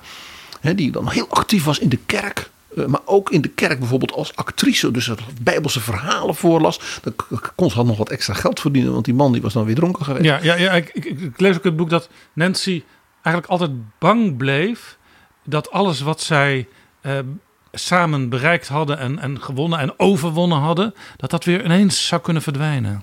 Want dat had ze natuurlijk als klein meisje natuurlijk zo meegemaakt. Dat ze dan, hè, dan was ze op een school eh, bij een tante en dan ineens werd ze weggehaald van die school. En dan ging ze naar een andere tante.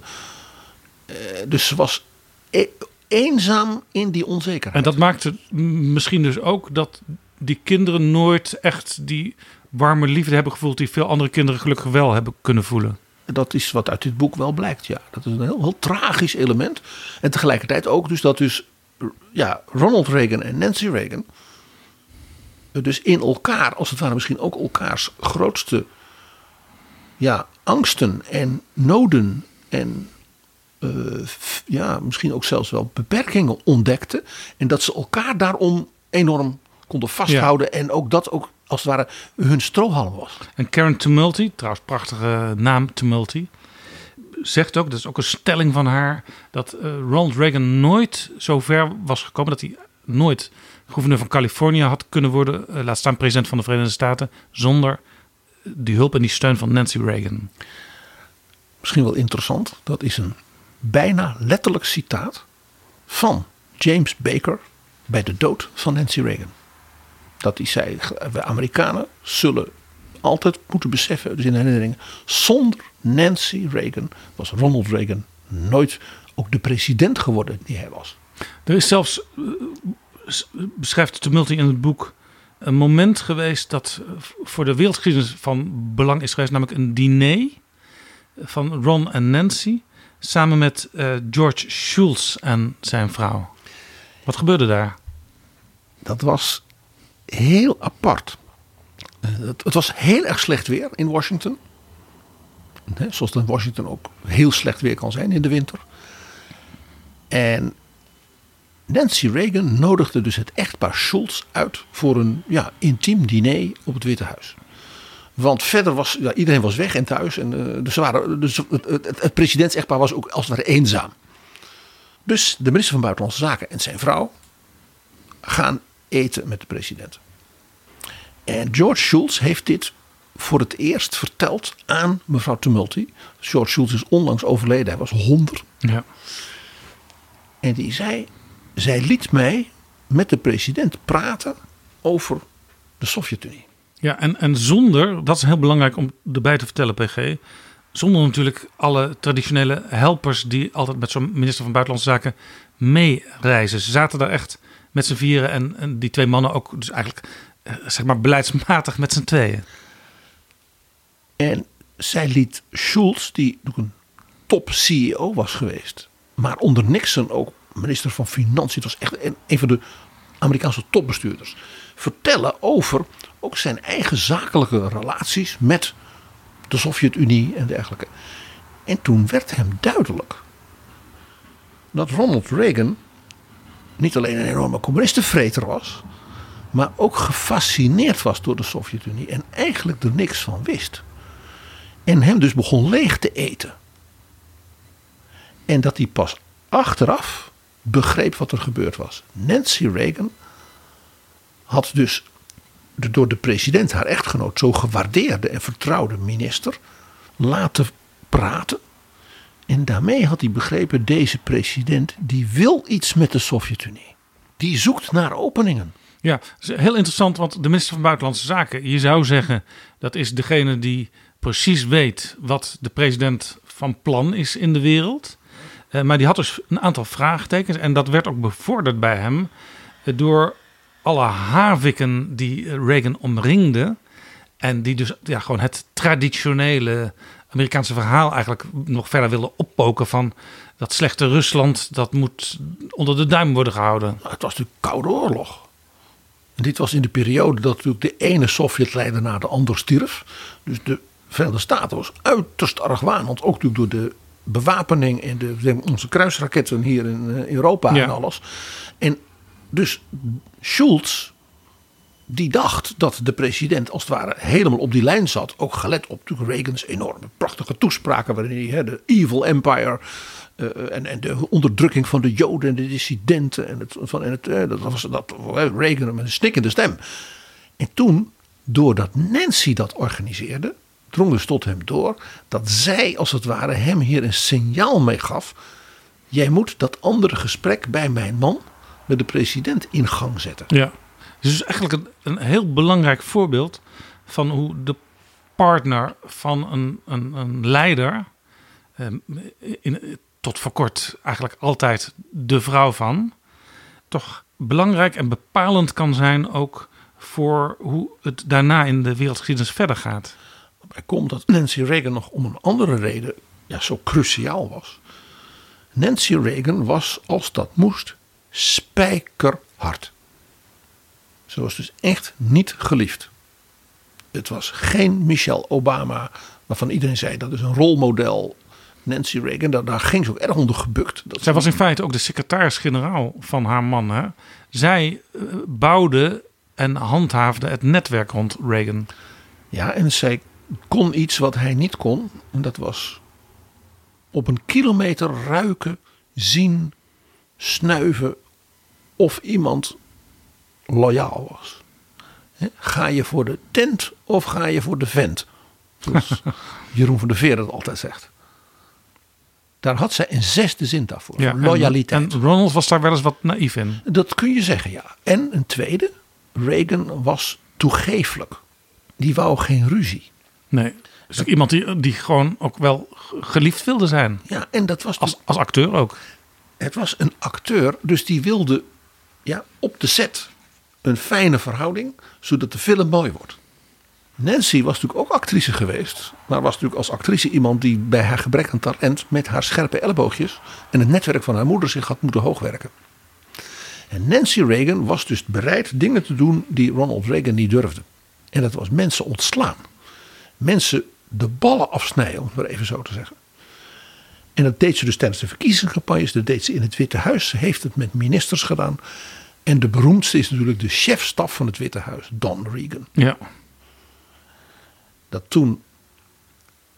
En het andere kon ze ook. Het was Nancy Reagan. Die de campagneleider van zowel opponent van Reagan, Gerald Ford, als opponent van Reagan, George Bush senior, liet benoemen als de chefstaf van het Witte Huis. Dat was James Baker. En dat was omdat zij Baker als manager had zien opereren voor dus de tegenstanders. En dacht, die vent is goed. Zij hield van dat type Texaanse aristocraat. Die dus op een uitermate hoffelijke manier met haar omging. Haar in haar waarde liet. Haar ook haar rol liet spelen bij haar man. Hij werd ook af en toe was gek van haar. Maar hij was altijd ja, buitengewoon eh, eh, to the point en beleefd. En die Don Regan, die, die zag dat niet. Don Regan heeft op een bepaald moment de hoorn op de haak gegooid.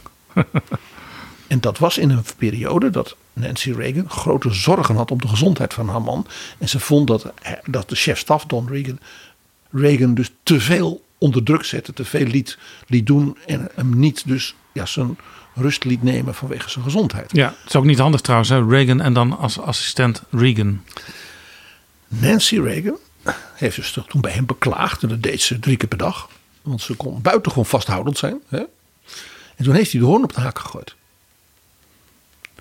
En toen heeft James Baker, toen hij dat hoorde, de onsterfelijke woorden gezegd: You never hang up on a first lady. En ze heeft de man echt gewoon politiek eh, laten vermoorden. Kortom, Jaap, een uitermate onthullend boek over een vrouw met een veel grotere rol, politiek en dus ook historisch, dan men misschien wel dacht voordat dit boek uitkwam. Karen Tumulty, The Triumph of Nancy Reagan. Dit is Betrouwbare Bronnen. PG, je had ook nog tot slot op je stapeltje Willem de Zwijger. Ja, Boek van René van Stipriaan. recent verschenen een Dik boek. monumentaal boek. Eh, Ja, dit is, het, is, het is een magnifiek werk. Het, er is trouwens iets geks met de titel van dat boek, De Zwijger. Maar in het boek staat dat er altijd veel misverstand is geweest over dat begrip Willem de Zwijger. De zwijger betekent de man die zich niet in zijn kaarten laat kijken. Maar ook dus de man die afwacht, die dus ook poldert, die ook probeert een compromis te vinden eh, en dus niet meteen zegt we doen dit. Ja, het is dus niet iemand die niet spreekt, want het was uh, zeer eloquent spreker. Zeker, hij was ook uh, uh, zeer charismatisch.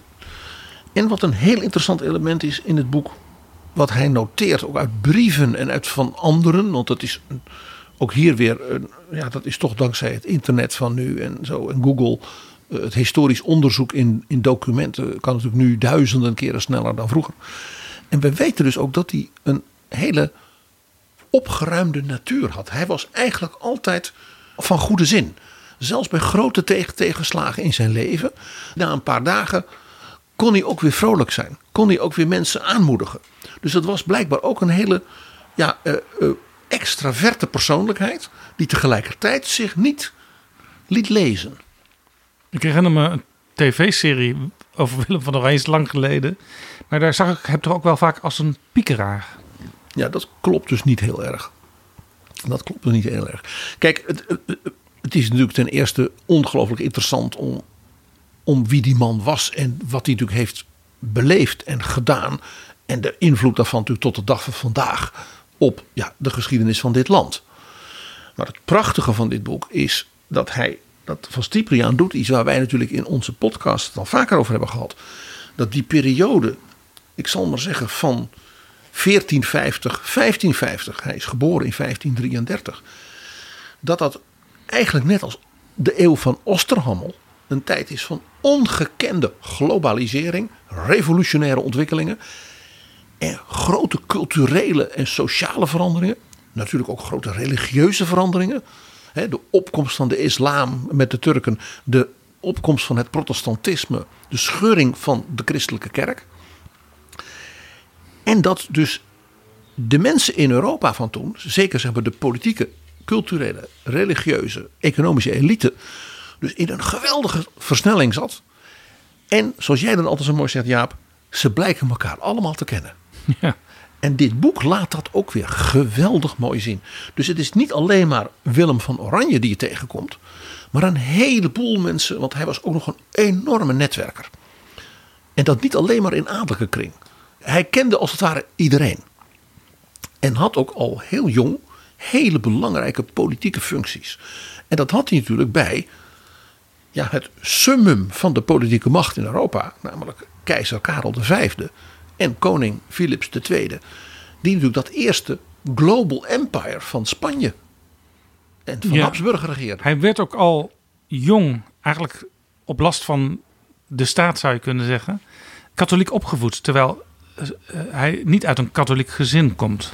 Nee, hij heeft dus eigenlijk een dubbele opvoeding gehad in dat opzicht. Daarmee was hij voor, voor die tijd dus ook meteen iemand die bijna wel voorbestemd leek als een soort bemiddelaar. Een compromissenzoeker. Hij kwam dus uit een Lutherse omgeving. Vooral ook zijn moeder was een zeer belangrijke, een intelligente vrouw. Die een overtuigd Lutheraan was. Nou, als je nagaat dat Luther in 1517 ja, met zijn stellingen kwam. En dus deze jongen in 1533 is geboren, was zijn moeder dus in dat opzicht zeg maar avant-garde. ja, ja. En doordat hij eh, van zijn oom René het prinsdom Orange in Zuid-Frankrijk erfde, werd hij meteen een van de machtigste en rijkste mannen van Europa. Want die was niet alleen dat kleine prinsdom in Frankrijk, maar die had hele grote delen ook van Lotharingen, Franche-Comté, dus dat is dicht bij Bourgondië. De Habsburgers, Karel V was een Bourgondiër, dus dat was waar hun thuisland. En ook in de Nederlanden was hij dus eigenaar van heel veel, nou ja, eh, bezittingen, Ja. kastelen, Dat, landerijen. dat kreeg hij al op zijn elfde in de schoot geworpen. Dus toen was eigenlijk al duidelijk. eh, Hij zou een sleutelfiguur worden in zijn tijd. En wat gebeurt er? Jaap zal zeggen van APG, dat heb ik vaker van je gehoord. De keizer, Karel V, die zegt... die jonge man moet dus een, de allerbeste opvoeding krijgen... ook als leidersfiguur eh, en natuurlijk als loyaal aan het huis Habsburg en aan mij de keizer. Dus hij werd naar Brussel gehaald. En daar was zijn opvoeder Maria van Hongarije. Een van de zusters. De zus van Karel V. Een van de grote vrouwelijke persoonlijkheden in de Europese geschiedenis. En die heeft hem gevormd tot de politicus, maar ook de intellectueel. Eh, want haar hof was ook beroemd om zijn enorme kunst, uh, intellectuelen die daarom waren, diplomaten. Het was echt een van de grote centra van Europa. Zij schreven elkaar soms meerdere keren per dag. Al vanaf dat hij zeg maar 12, 13 was en door haar werd opgevoed. Hij schreef haar als ma tante of ma mère. Wat uiteraard in het Frans. En zij schreef altijd mon bon cousin. Mijn lieve neef. Ze waren dus helemaal geen familie, maar er was, zij was heel duidelijk zijn politieke moeder. Ja, ja. En eigenlijk zijn de hele politieke lijn, ook later, is onmiskenbaar terug te voeren tot de bemiddelende, compromisgerichte, polderende politieke stijl, gecombineerd met een zeer krachtig bewind, krachtige persoonlijkheid van Maria van Hongarije. Ja. En nu wordt het helemaal interessant. Koning Philips II van Spanje was natuurlijk de neef van Maria van Hongarije. Zij wist hoe begaafd deze jongeman was. En ook een krachtige persoonlijkheid. En een heel ijverig, een toegewijd en vroom, hard werken. Wij zouden bijna zeggen een Calvinist. En zij heeft er eigenlijk voor gezorgd dat hij het nogal snel van zijn vader, haar broer, overnam. Omdat zij tot de conclusie was gekomen dat Karel V het gewoon niet meer aankon. Hm. Toen is dus Philips naar Brussel gekomen, net als Willem van Oranje, ze waren ongeveer even oud. En Mamère had dus een neef, en dat was wel de beoogd opvolger, de beoogd koning, misschien zelfs wel de beoogd keizer. En tot nou ja, haar schrik moest Maria van Hongarije vaststellen dat Philips, haar neef, inderdaad al die positieve eigenschappen had van talent en ijver en dit en dit maar een buitengewoon onaangenaam karakter. Die twee konden volstrekt niet met elkaar. Het, het had dus ook heel anders kunnen gaan. Heel smooth. Ja. Maar die karakters die botsten. En Maria van Hongarije, daarvan moest dus die neef vaststellen dat hij dus een lieveling had. Dat was die Willem. En tussen hen boterde het volstrekt niet. Terwijl zij wel degene was die hem politiek als het ware aan het grootmaken was als de opvolger in de dynastie. Dus er zit in het levensverhaal van Willem van Oranje ook een heel aparte, nou bijna uh, uh, psychologische roman van die vrouw met die twee jongens die geen van beiden haar zoon zijn, maar die wel door haar gevormd zijn. Ja, en Willem, we, we hebben het er een aantal afleveringen geleden al wat uitgebreider over gehad. Uh, die ging zich op een gegeven moment verzetten tegen Philips II en, en, en zijn fiscale hervormingen. En zijn moderniseringen en zijn strakke centralisatie, ook op het gebied van de godsdienst. Want, want Willem van Oranje was geen uh, fanatieke protestant die als het ware uh, alle, alle uh, nonnen wilde laten verzuipen. Hij was een gematigd katholiek, had een Lutherse achtergrond, maar zei de, het christendom vernietigt zichzelf. Hij heeft ook een aantal toespraken gehouden in de Raad van State. Dus tegenover de landvoogdes, zoals dat heette. Dat was de zus van Philips II, Margaretha van Parma. En die toespraken zei hij: Het christendom vernietigt zichzelf als wij elkaar gaan vervolgen. Als we mensen gaan verbranden. Als we dat soort dingen doen. En daarmee gaf hij eigenlijk aan: dit is dus een strategie van de koning die hij doet vanuit zijn diepe vroomheid. Dus dat was mooi. Maar deze koning die moet tegelijkertijd de Turken verslaan. Die moet daar in Amerika al die heidenen bekeren, om maar zo te zeggen. Maar hier in Europa dreigt hij dus het christendom kapot te maken. Ja, voor die strijd eh, tussen Willem en Philips II verwijs ik naar die, naar die andere aflevering. Maar Willem, ik zei het al, was een goede spreker. Hij was in zekere zin ook een modern politicus. Want hij uh, had mensen die hem hielpen met tekst schrijven. Hij is de eerste moderne politicus hier in de Nederlanden. Die dus met, wij zouden zeggen, moderne media. Dat waren dus toen pamfletten, Drukpers. drukpers, boeken, kranten. Eh, zelfs eh, eh, anonieme roddeldingen. Die hij dus liet maken. Die hij ook regisseerde. En waar hij dus een aantal buitengewoon slimme en literair begaafde mensen voor in dienst had. Roddel, bedoel je wat we tegenwoordig desinformatie noemen? Zeker, zeker. Hij heeft zelfs vervalste brieven van andere vorsten laten maken om andere mensen in beweging te zetten. Hij was politiek, compromis- en vredesgezind op het gebied van de religie.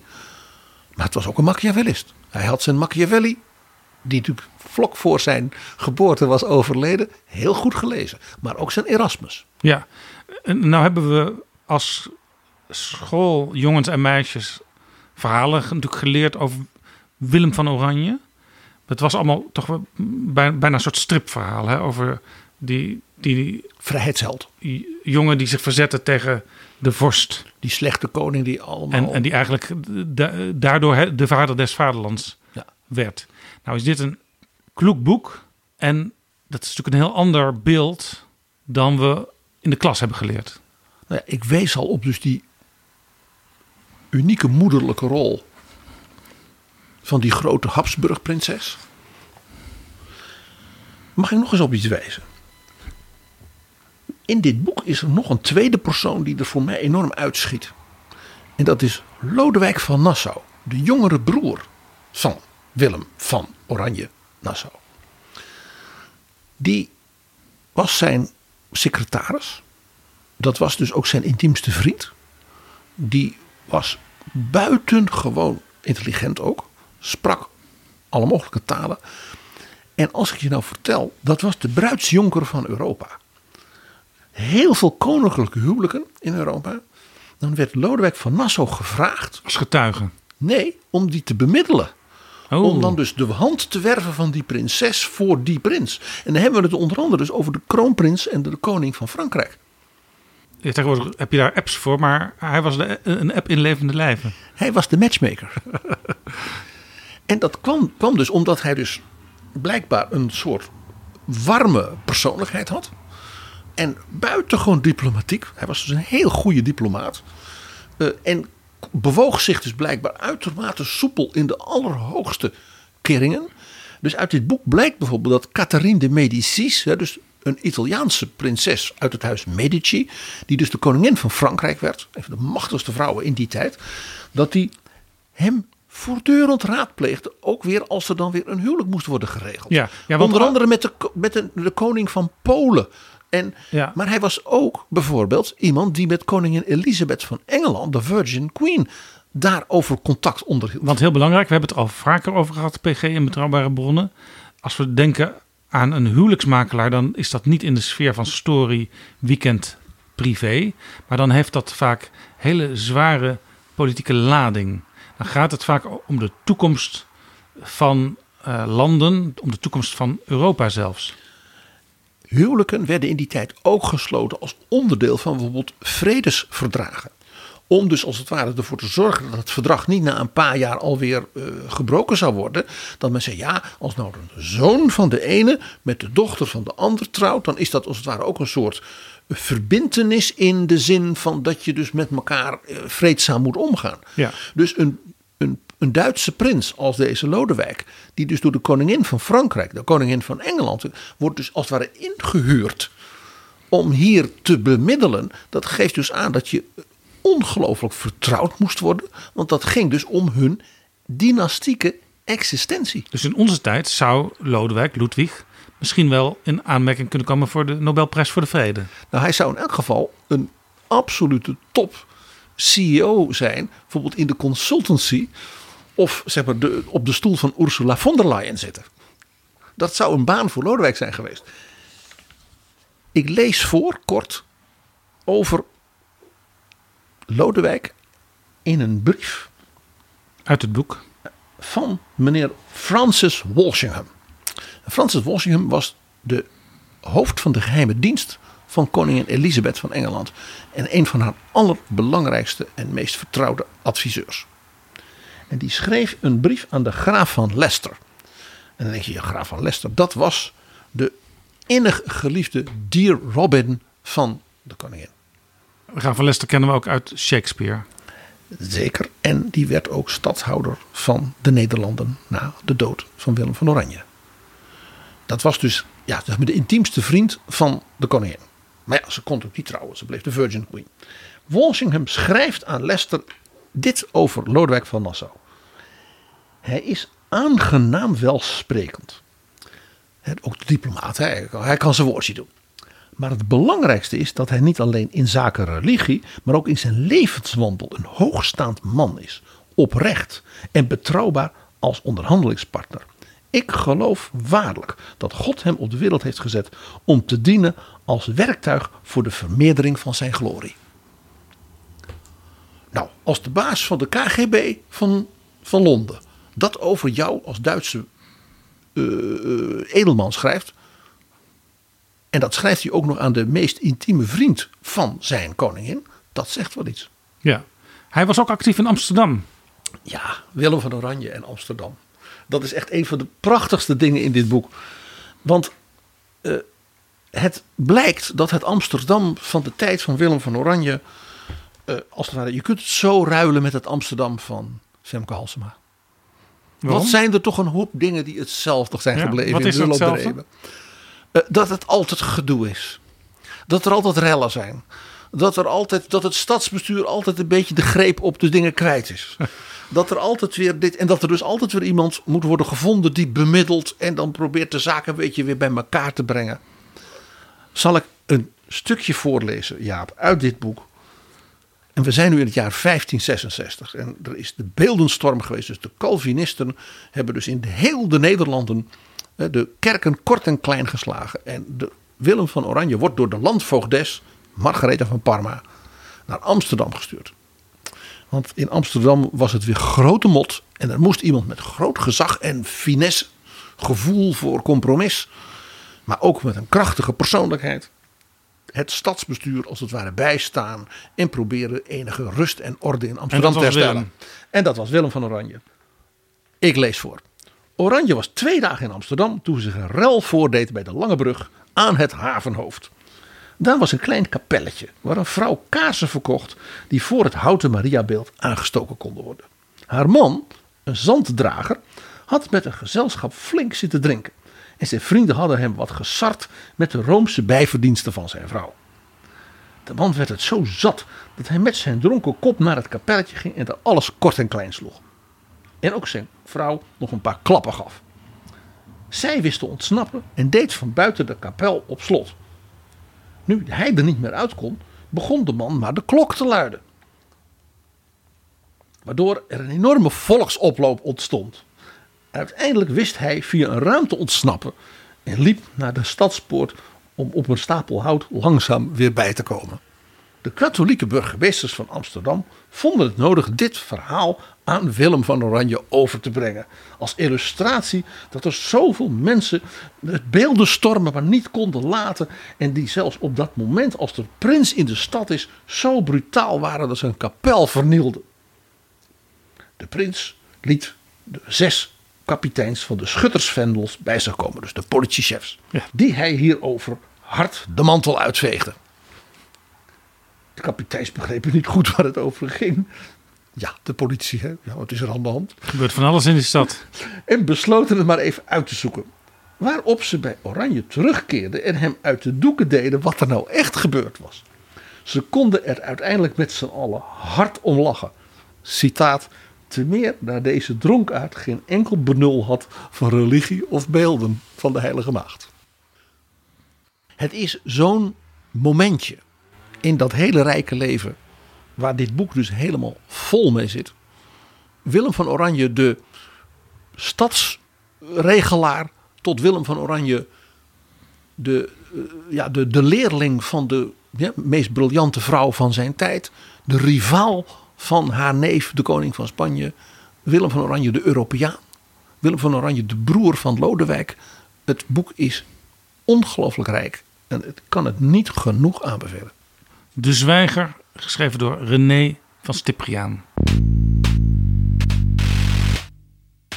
Er ligt nog één boekje, zie ik. Dat is een roman.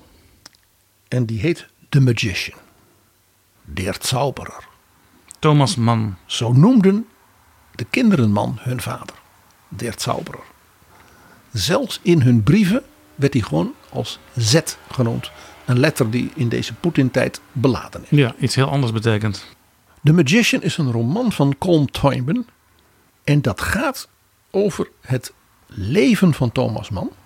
En dat is natuurlijk een romanwaardig leven. Maar het is wel een enorm waagstuk voor een schrijver. Want je schrijft dus een boek over zeg maar, Iemand- een schrijver. Die zelf ook een, een- die, nou ja, die een, als een vermaard schrijver te boek staat. En in wiens hoofd je als het ware gaat zitten. Dat is nog lastiger. Want dan kun je zeggen, nou ja, voor een schrijver is dat natuurlijk mooi. Want dan ga je bedenken, wat zou die nou gedacht hebben. Dat wordt nog lastiger.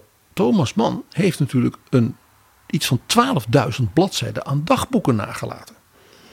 Waarin hij tot en detail zijn dagelijks leven beschreef. Inclusief hoeveel sigaren hij had gerookt. Dat hij last van zijn maag had. Dat hij, want dat was nogal een. eh, dus allerlei details. En aan wie die brieven had geschreven. En wat hij daarbij dacht. En om dan van iemand waar we dus zo verschrikkelijk veel alles van weten. Dan te gaan denken, ik ga in zijn hoofd zitten. Ik ga nu bedenken wat hij nou toen voelde. Of dacht. Of hoe hij op dat idee kwam om dat boek te schrijven. Dat is wel gewaagd. Ja, je kunt ook zelfs klem komen te zitten in al die feiten die bekend zijn. Daar komt bij dat dit nog gedurfder is. Want wat is een van de beroemdste boeken van Thomas Mann? Lotte in Weimar. En dat gaat over Charlotte, die als zestiger op bezoek gaat bij Goethe in Weimar.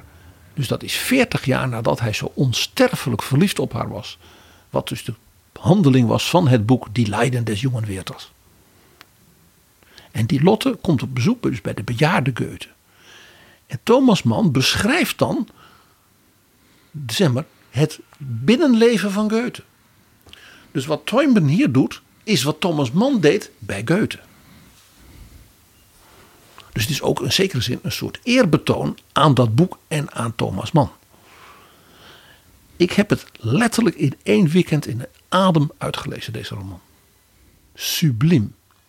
Hij, hij slaagt er dus in om als het ware voorbij die dagboeken te komen. En als het ware nog, nog dieper in Thomas Manns zielenleven eh, ja, binnen te dringen. Dus het zwoegen van deze schrijver is niet voor niets geweest. Nee, nee. Er zit ook veel humor in, want Thomas Mann was iemand die met heel veel ironie ook over zijn tijd en over zijn tijdgenoten en over de gebeurtenissen kon schrijven. En, en, en dus zelfs dat aspect van de ironie van Thomas Manns werk zit dus in deze roman ook als het ware weer verwerkt. Het is ja, echt een prachtig boek. En ik dacht, eh, in deze zware, moeilijke tijden eh, moeten we onze minister-president Mark Rutte, die zo'n liefhebber en kenner van Thomas Mann is, als het ware ook weer eens een andere biografie dan die van Chopin aanbevelen. Dus dit is meteen een suggestie voor Mark Rutte. eh, om in deze zware tijden ook af en toe nog eens met een mooi boek zich te ontspannen. The Magician van Colm Toybin. En daarom eindigen we Jaap natuurlijk met opera. Want als je het over Thomas Mann hebt, dan heb je het ook over opera. En zeker natuurlijk over de opera's van Richard Wagner. En in die dagboeken weten wij dat hij in de meidagen van 40, toen dus de troepen van Hitler Nederland binnenvielen, België, Luxemburg, Frankrijk. Nou ja, we zijn weer nu in vergelijkbare tijden. Hij toen een plaats draaide. In Amerika woonde hij toen. En in zijn dagboek schrijft hij dat hij toen een wijnkramp kreeg. Dat hij in huilen uitbarstte. Om die muziek. Want dat was voor hem het allermooiste van de Duitse cultuur. En hij had het gevoel, wat, waar gaat dit heen? En wat was dat? Dat was de ouverture van de opera Lohengrin van Richard Wagner. Laten we even luisteren.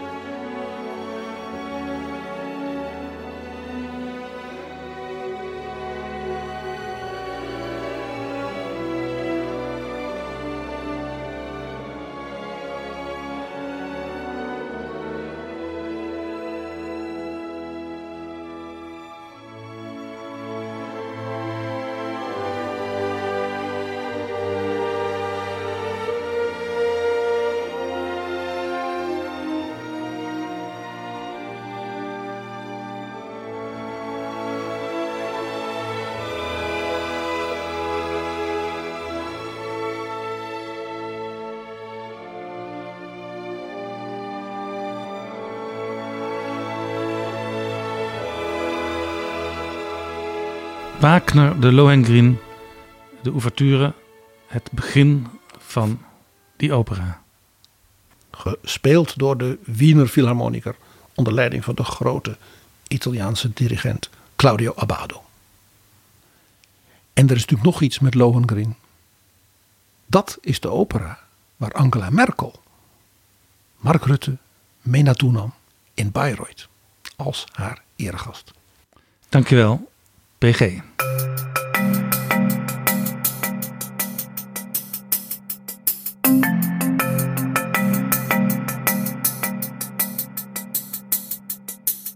Zo, dit was Betrouwbare Bronnen, aflevering 259. Deze aflevering is mede mogelijk gemaakt door de vrienden van de show. Wil jij ons ook steunen met een donatie? Want dan pas ben je een echte vriend van de show. Ga dan naar vriendvandeshow.nl/slash bb. Tot volgende keer. Betrouwbare bronnen wordt gemaakt door Jaap Jansen in samenwerking met dag en nacht.nl.